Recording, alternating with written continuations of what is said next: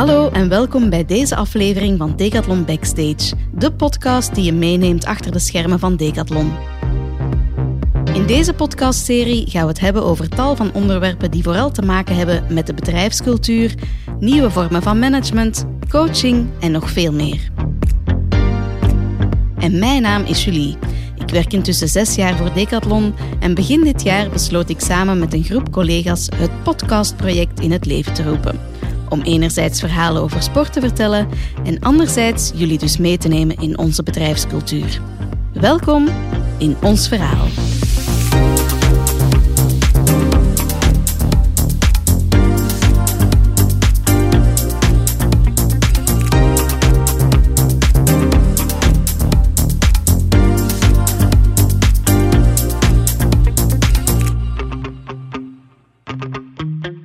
Vandaag heb ik Katrien Wuitaak bij mij in de studio. Welkom Katrien.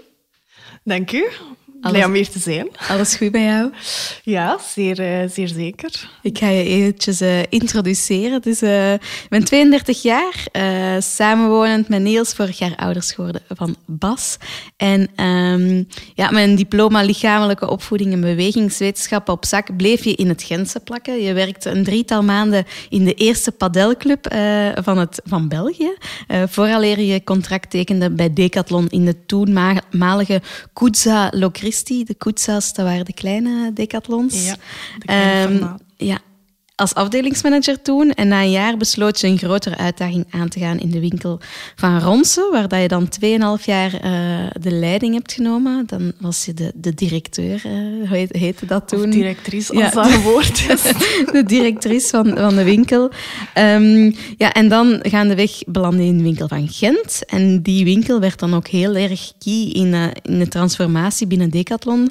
Want het was een van de eerste winkels van België die de transformatie volledig heeft doorgevoerd uh, bestaande zaken zoals we ze kenden werden afgebroken om nieuwe dingen te kunnen opbouwen. En uh, daar zijn mooie vruchten van geplukt in heel het land.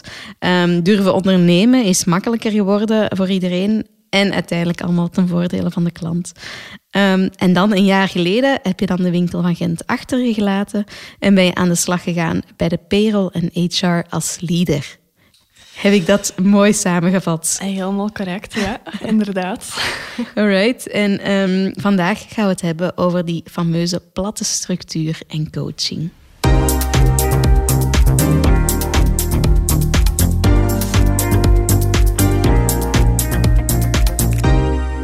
Ja, die platte structuur. Uh, het is er met Mathieu ook af en toe over gegaan in, uh, in zijn interview. Um, wat is eigenlijk het het verschil tussen een klassieke baas en een leader of een coach?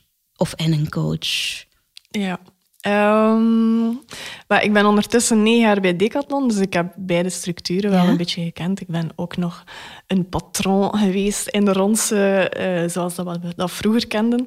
En uh, wat dat mij persoonlijk daarin getypeerd heeft, is dat ik toen het gevoel had dat ik echt een all-in-one pakket moest zijn. Dat ik pas een goede baas was als ik zelf alles wist, overal een oplossing kon opgeven, et cetera. En um, door de transformatie door te voeren in onze onderneming, uh, zijn we beginnen werken met rollen.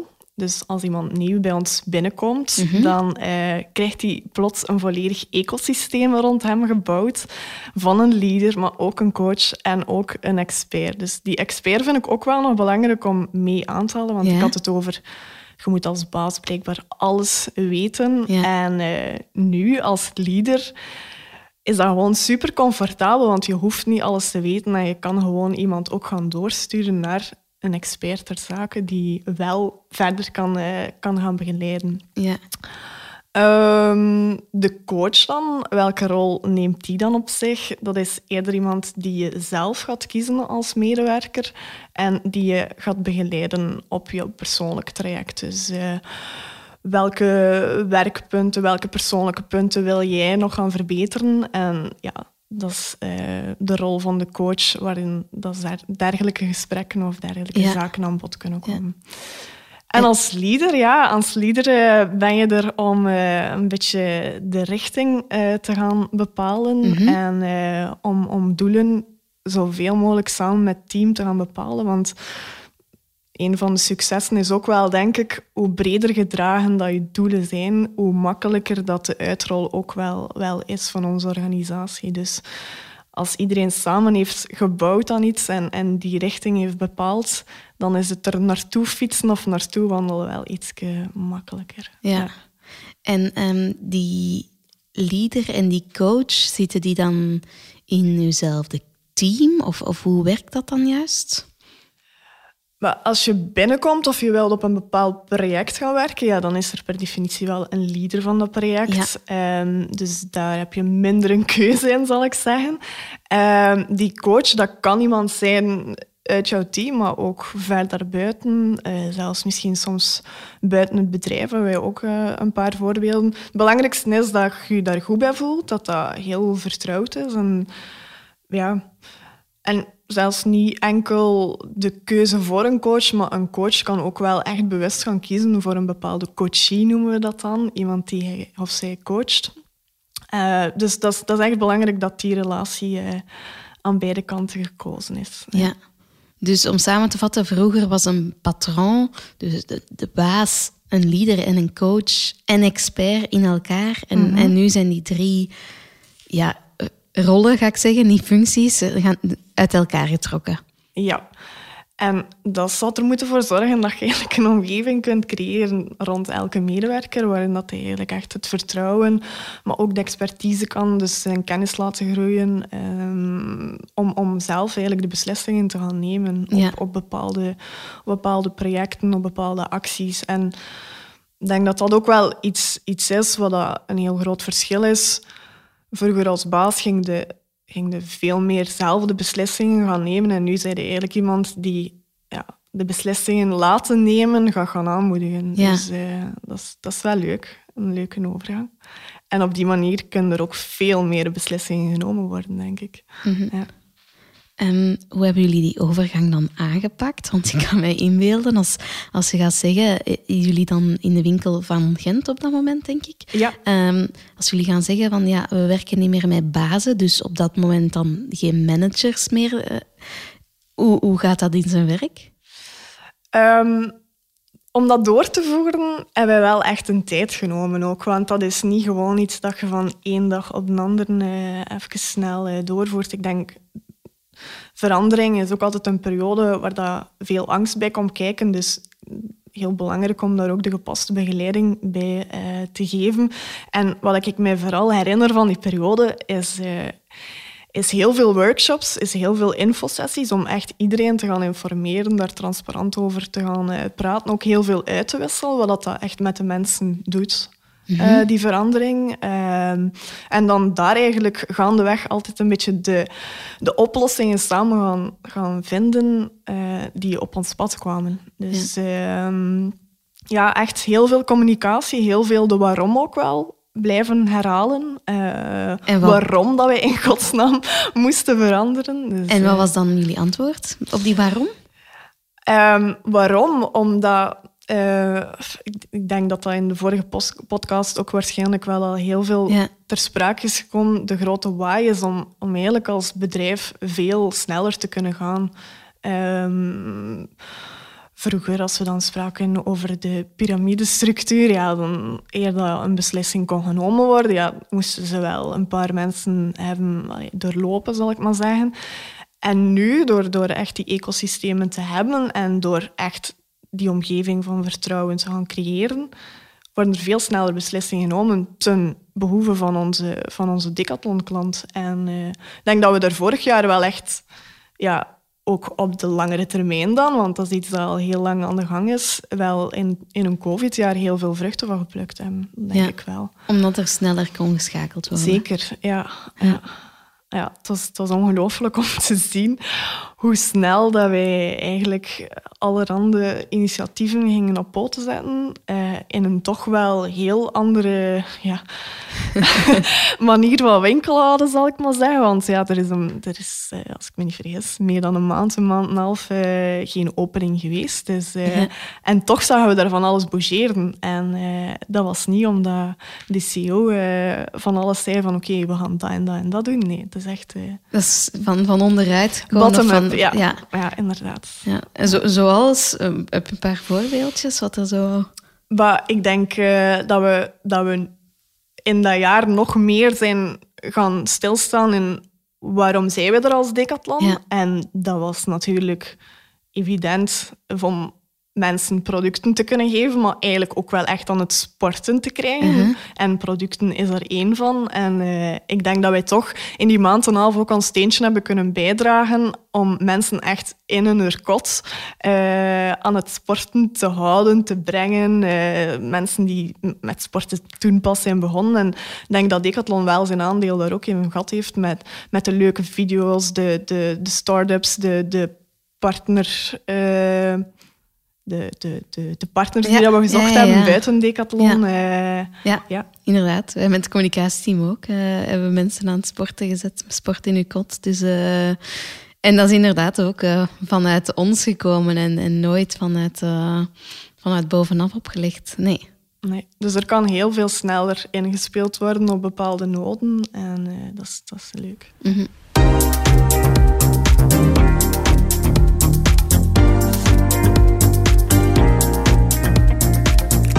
We hebben het gehad over dat het leuk is, dat het positief is. Eh, maar ik kan me voorstellen dat die structuur toch ook wel zijn nadelen moet hebben, of, of toch valkuilen. Als je het op de korte termijn gaat bekijken, eh, dan denk ik dat je inderdaad heel veel problematieken kunt zien. Maar eh, zoals ik al zei, is dat ook iets meer voor de langere termijn. Voilà, Ja. We hebben transformatie eh, een vijftal jaar geleden gestart. En nu in zo'n covid-jaar komt er echt, ja, komen echt die vruchten. Ehm, ik denk de grootste valkuil ja, in het begin was als je, als je een bepaalde structuur gaat afbreken ja, dan moet je wel iets anders opnieuw gaan creëren. En als die periode daartussen iets te lang duurt, er gaat al veel angst mee gepaard, ja, dan, dan leeft in een hele lange fase van onduidelijkheid. En, ehm, dus, dus dat denk ik wel dat, dat, dat belangrijk is, eh, om bestaande structuren die je afbreekt, om daar nieuwe dingen voor in de plaats te stellen, zodat zoals dat wij dan gedaan hebben met dat ecosysteem. Dus voilà, de baas ging niet langer die to-do-list gaan geven, maar ja, de medewerkers kwamen wel toe op, in de ochtend en die to-do-list was er niet meer, maar ze moesten wel, ze moesten wel dingen doen natuurlijk. dus ehm, ja, dat denk ik wel. Ehm, en, en het feit dat we in, in de winkel van Gent de eerste waren, Ja, ja, moesten we ook wel alles nieuw creëren. Dus eh, er is veel naar jullie gekeken. Ja, en, en ik moet zeggen dat ik soms ook wel echt zo een beetje met de handen in het haar zat en van wow, wat een chaos is dat hier. Ja. Maar ja, het feit dat jij dan niet meer alleen ervoor staat, maar dat je gewoon, ja oké, wat, wat leeft er hier nu? En je kunt daarover babbelen. Ja, maakt wel dat je plots een structuur hebt gecreëerd van, van veel meer mensen. En, Ja. eh, maar je vroeg mij om eh valkuilen. Pom. Ja, maar ik denk dat dat ook wel in de, de vroegere structuur een, een aandachtspunt was, ehm, is, is toch wel de erkenning. Want als baas heb je natuurlijk ook in, in je verantwoordelijkheden dat je nu en dan dat, dat schouderklopje moet geven. En dat is toch iets waar dat wij blijven moeten op werken. Hoe Ja. kunnen we erkenning ook zijn plaats gaan geven? Ehm, want, want de erkenning komt niet altijd nu meer van bovenaf.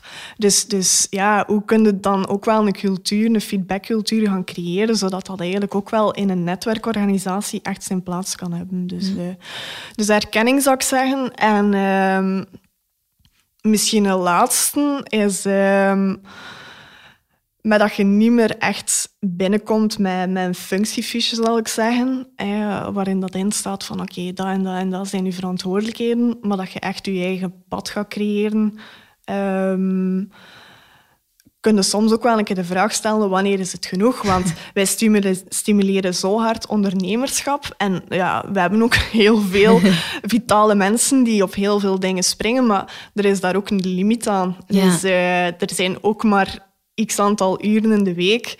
Dus eh, ik denk dat we daar ook wel ja, zeker aandacht moeten voor hebben, dat eh, dat ook niet te veel wordt. En Ja. dat we, dat ja, want ik schreef het net op. Heb je dan niet wilde weg initiatieven zonder echt een, een duidelijke lijn van oké, daar willen we allemaal samen naartoe gaan? Of zelfs dubbele initiatieven? Uh, hoe... Ja, ik denk dat, dat, dat, dat daar um, dat ecosysteem ook wel weer heel belangrijk wordt. De, de leader die, die met zijn team heel hard um, die, die, die richting blijft mhm. visueel maken van past elk project Allee, heeft dat hetzelfde doel als, als eind. Um, maar niet enkel die leader. Ik denk als je zelf nu als ondernemer of als medewerker in Decathlon um, een project wil gaan starten, dan hebben wij ook wel ergens een advice-proces waar dat je dat project eerst wel gaat aftoetsen. Of dat dat wel tot het juiste doel kan leiden. En, um, dus, dus de challenge blijft er wel, um, alvorens te, te, te gaan vertrekken. Wat dat je daar zegt van, van dubbele initiatieven, ja, we zijn met iets meer dan 3000 medewerkers de dag van vandaag heel veel talenten dus, maar er zullen er inderdaad wel zijn die een keer op hetzelfde idee uitkomen. Ehm, en dan is het wel in die netwerkstructuur een uitdaging om ook heel snel die mensen te kunnen, te kunnen gaan verbinden, om, om ook wel weer op die efficiëntie te kunnen uh, werken. Ja. ja, want efficiëntie stond hier ook nog uh, genoteerd als een van mijn aandachtspunten. Dus, dus het lukt wel om het op een bepaalde manier ja. efficiënt ja, het is, het, is, het is grappig dat je efficiëntie aanhaalt. En ik denk dat dat ook weer te maken heeft met die korte termijn en die lange termijn. Op korte termijn is het altijd veel gemakkelijker. Moest er vorig jaar in, in, een, in een jaar dat al heel veel verandering had, mm moest daar heel hiërarchisch richtlijnen zijn gekomen, beslissingen zijn gekomen. Maar dat was niet het geval. Dus op korte termijn konden zeggen van, oh, ja, zijn we hier niet wat aan het pluteren of aan het discussiëren voor niets. Maar dat maakt het juist sterker, het, het feit dat dat allemaal lokaal in die entiteiten is gelegd, die, die uitwisselingen over hoe gaan we dat hier aanpakken. En dat maakt ook dat, dat elke entiteit is, is ook... We zijn allemaal decathlons, maar toch, ja, die omgeving of die nota in één decathlon leeft, is, is anders dan in een ander. Dus, dus ja, door die uitwisseling te hebben, gaat er veel meer een antwoord gaan bieden op, op wat er leeft lokaal. Ja, en, uh, en doordat initiatieven van, van bottom-up kunnen komen, gaan ze misschien ook wel beter uitgedragen worden. En en gaan mensen er meer in geloven ook en er meer hun best voor doen? Ze gaan breder gedragen worden. Het is, uh, het is iets waar dat je zelf eigenlijk ook een stempel hebt ondergezet, zal ik maar zeggen. En als je iets aan, aan iets mocht meeschrijven, dan, dan zijn je ook veel meer gestimuleerd om, om, om, om het effectief ook wel uh, tot een goed einde te brengen. Ja. Mm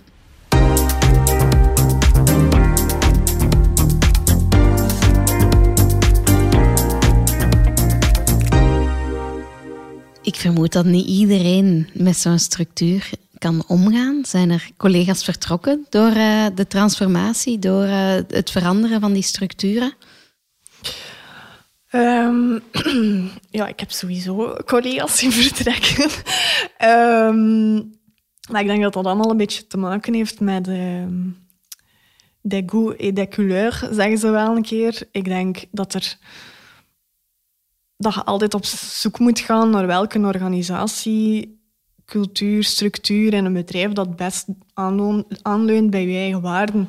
En ik, allee, ik, ik denk wel dat dat, dat onze organisatie de dag van vandaag niet voor iedereen de, de organisatie is. Dus, um, en gaandeweg, ja, doordat die trend in, in de onderneming alsmaar breder werd, ja, hebben sommige medewerkers misschien wel het gevoel had van oké, dit, is, dit is moeilijker voor mij en, en mhm. ik ga zoeken wat er dan beter aanduidt uh, bij mezelf.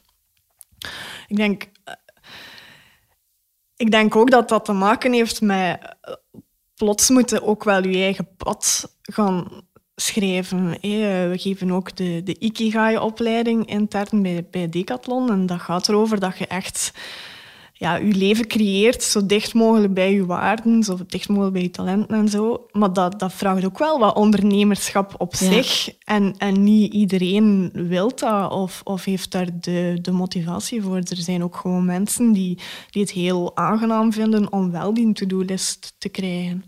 Um, misschien een andere factor wat dat ook wel kan meespelen, waarom dat er mensen vertrekken. Ja, vroeger was ik directrice of, of had ik een heel duidelijke titel. En dat is vandaag de dag voor sommige rollen wel nog redelijk duidelijk, maar voor, anderen helemaal niet. En de waarde dat je ook aan een, aan een titel uh, hecht, ja, heeft daar ook mee te maken, denk ik. Hoe belangrijk vind je dat? Ja, uh, ja uh, en verloning hangt daar ook mee samen, maar daar gaan we het uh, over hebben in een volgende aflevering. Ja, dus uh, luisteraars die daar geïnteresseerd in zijn, moeten zeker die aflevering ook beluisteren. Ja. Maar um, ja, inderdaad, die titel, Mathieu heeft het ook al aangehaald, dat altijd daar wel moeilijk mee had. Heb jij het daar persoonlijk moeilijk mee gehad? Want ik geloof dat jullie um, in Gent dan ook met een leading team werkten, dat er niet echt meer één één persoon benoemd was als, als de ja, directrice, dan in jouw geval, van de hmm. winkel.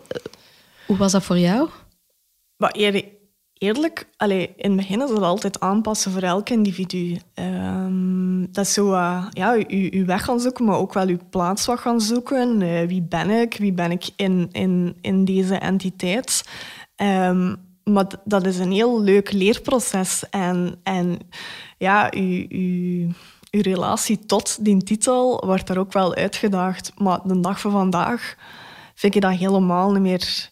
Allee, ik, heb, ik heb vier jaar in, in Decathlon Gent gewerkt. Um, en ik was daar gewoon Katrien en ik wist wat ik kon, ik wist wat ik deed. En ja, die bevestiging kwam er wel langs alle wegen. Um, maar ook soms moeten bevestiging bij jezelf gaan, gaan zoeken hè, en dat zelfvertrouwen hebben.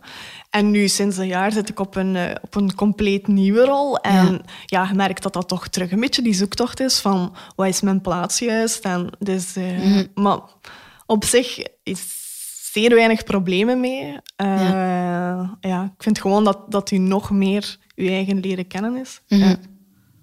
Ja, want in andere, andere bedrijven zou je titelfunctie dan nu misschien de, de grote HR-manager uh, zijn. En, en nu zit je gewoon in een rol van leader uh, van dat team en het project.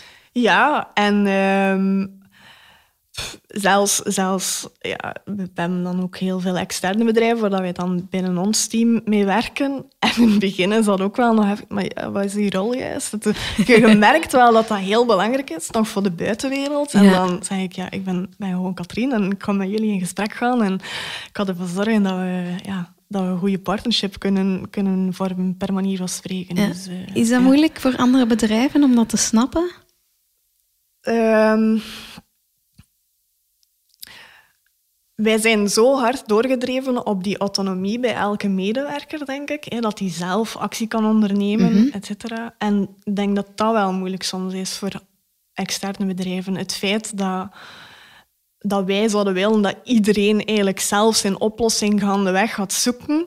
Maar als dat dan in contact komen is met een ander bedrijf, ja, dan, dan hebben die plots misschien... Ja, het is nu overdreven, maar 3000 medewerkers die, die de telefoon gaan pakken en, en per manier van spreken het sociaal secretariaat gaan bellen. En dat is natuurlijk voor hen niet de manier van werken. Maar we proberen daar wel ergens zo wel een, een tussenweg in te vinden, zodat, allez, ja, zodat zij ook een beetje kunnen leren van, van wat is dat juist. En, mm en uh, ja. Dan zit je weer met een efficiëntie... Uh issue.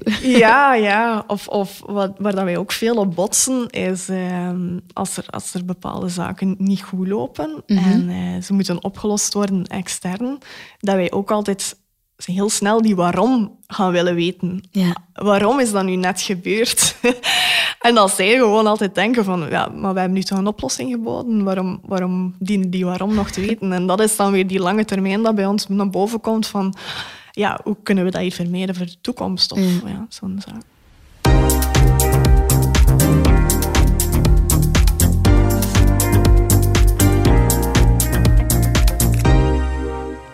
Je bent uh, leader, maar je kan ook meerdere rollen hebben als, als persoon.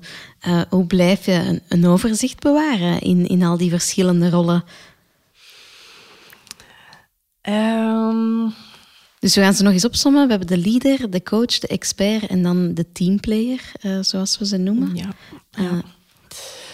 En, en wilde meer weten over de rollen van, van mezelf? Of, uh... Nee, in het algemeen, hoe dat je een overzicht bewaart eigenlijk? Ja, in een piramidale structuur is het natuurlijk heel makkelijk hè, om, om dat te gaan uittekenen. Er gaat er dan ook altijd een organigram bij gepaard. En als wij dan nu als HR-team dan moeten ergens gaan voorzien, dan, dan krabben we ook wel al eens in ons daar van ja, dat, dat is heel moeilijk om dat nog te gaan uittekenen. Dus een, een netwerkstructuur, als je dat visueel moet maken, is dat ook zo'n beetje een kluwe van, van allemaal pionnetjes, zal ik maar zeggen. Um, dus, dus dat is geen gemakkelijke oefening, denk ik, om die te maken. Maar zoals ik eh, op een van de vorige vragen ook heb geantwoord, is... Um, ja, je, je je breekt iets af, maar je moet het ook wel terug gaan, gaan opbouwen op een andere manier. En ik denk dat we doorheen de jaren, als we merken van oké, daar, daar zit er ergens niet uit of daar zit een onduidelijkheid, dan, dan hebben we de koppen ook wel bij elkaar gestoken om, om daar ergens terug een kader te gaan creëren, een ritueel te gaan creëren of, of ja. Mhm. En dan voor jou persoonlijk? Voor mij persoonlijk, uh, ja, ik, ik denk dat ik ze alle vier doe. Dus ja, ik ben teamplayer in, een team. Uh, ik ben leader, maar ik ben ook daarnaast coach, omdat ik het ook leuk vind om niet enkel op, op objectieven te gaan animeren, maar ook op persoonlijke begeleiding. Mhm. En er zijn ook een paar opleidingen dat ik zelf geef om, om dan effectief kennis te, te gaan geven. Dus tot zolang dat voor jezelf ook duidelijk is en dat je dat kan gaan aftoetsen met je ecosysteem en dat je mhm. zelf goed weet van waarvoor heb ik me dit jaar geëngageerd en, en waarop word ik gechallenged of waarop kan ik gaan werken. Dan... Ja, want zo werkt het wel. In het begin van het jaar uh, gaan we gaan zeggen, we gaan uh, dit doen en een beetje een, een tijdsindeling eraan vasthangen van dat is mijn plan voor dit jaar. Ja, we, we doen dat sowieso um, allereerst op collectief niveau. Oké, okay, wat, wat is het plan? En soms gaat dat over een jaar, maar soms gaat dat ook over meerdere jaren. En dan individueel ga je eigenlijk je, je missie, noemen we dat dan, gaan, gaan, gaan schrijven op basis van dat collectief teamdoel. Of, ja. Um, ja, en dat, dat is idealiter aan het begin van het jaar, dat je weet een beetje van oké, wat is mijn pad uh, voor dit jaar? En dan uh, proberen dat te bewandelen. Ja, en dan kan je ook deel uitmaken van verschillende collectieven, zal ik ze noemen. Ja, ja. ja. En dat maakt het ook juist zo rijk. Ik denk dat we dat ook uh, zoveel mogelijk aanmoedigen. Dat je binnen het HR-team ja, de linken leggen met weer andere teams. De linken leggen zoveel mogelijk met, met het lokale. Mm um, ja, dat, en met de sporten natuurlijk ook. En met de sporten, inderdaad. Ja. Ja, ja, zeker. Want jij bent heel lang ook de, de padel-leader uh, geweest van het land, of misschien nog altijd? Uh, nog steeds, ja. ja. Um, en uh, eind juni is aan mijn opvolger die, dat we, die dat ik ook mee heb ja. gerecruiteerd. Ja. ja. Dat is het leuke dan aan, aan de rollen, zeker binnen Decathlon, dat je ook nog op je sport uh, ja, Ja, zeker. Ja, ja. Ik was er negen jaar geleden al bij, bij de, bij de eerste padel. En toen was ik nog iemand die aan iedereen moest uitleggen wat dat padel was. En dat dat echt wel een leuke sport was. En ja, ik denk dat we iets te veel reclame gemaakt hebben. het heeft uh, goed gewerkt. Padel is niet meer de kleine sport zoals ik ze negen jaar geleden uh, kende. Maar dat is, dat is super. Hè. Ja. Dus in, in de, de vroegere termen zouden kunnen stellen dat je op dit moment dan eigenlijk de, de grote HR-baas was, maar ook de commerciële directeur van een, van een sport. Ja, ja. ja. Dus uh, ja, en ik had het er net ook over uh, dat je troost te veel. Dus uh, je moet ook een beetje gaan kijken van eh, kan ik het hier allemaal nog bolwerken? En met dat, ja, de HR-leader iets compleet nieuw. Mhm. En dan Padel werd ook ja, Groter. Groot, ja. ja. inderdaad. Dus uh, voilà. Maar dan kan je die keuze ook zelf gaan maken en dan, uh, dat, is, dat is ook het mooie. Ja. Maar je hebt wel de verantwoordelijkheid om, uh, om iemand nieuw te gaan recruteren. Ja, want dat is wel een ding, hè, dat we kunnen veranderen van rollen binnen het bedrijf. zelf voor kiezen of, of gaan solliciteren intern. Maar je moet wel zorgen voor je opvolger ja, een van onze grootste waarden is natuurlijk nog altijd die verantwoordelijkheid. En ik denk dat dat ook een van de successen is van de, van de uitrol. En uh, je bent verantwoordelijk voor je eigen beslissingen. Dus uh, voilà. Ja. Uh, Dus nu concreet heb jij gezegd, oké, die, uh, die padelleader kan ik niet meer doen. We gaan op zoek naar iemand... Uh... Nee, de padelleader uh, werd nog groter dan enkel het nationale verhaal. Ah, dus het voorstel was er ook gekomen om alle Noord-Europese landen ook in beheer te nemen. Dus we spraken toen echt wel over een fulltime. en ja, twee fulltimes, ja, dat kun je ook niet meer kwalitatief gaan, kan gaan doen. Dus voilà, de beslissing is er gekomen. Het was een moeilijke keuze, want het zijn wel twee grote passies. Ja. Uh, Alright, nee, super tof.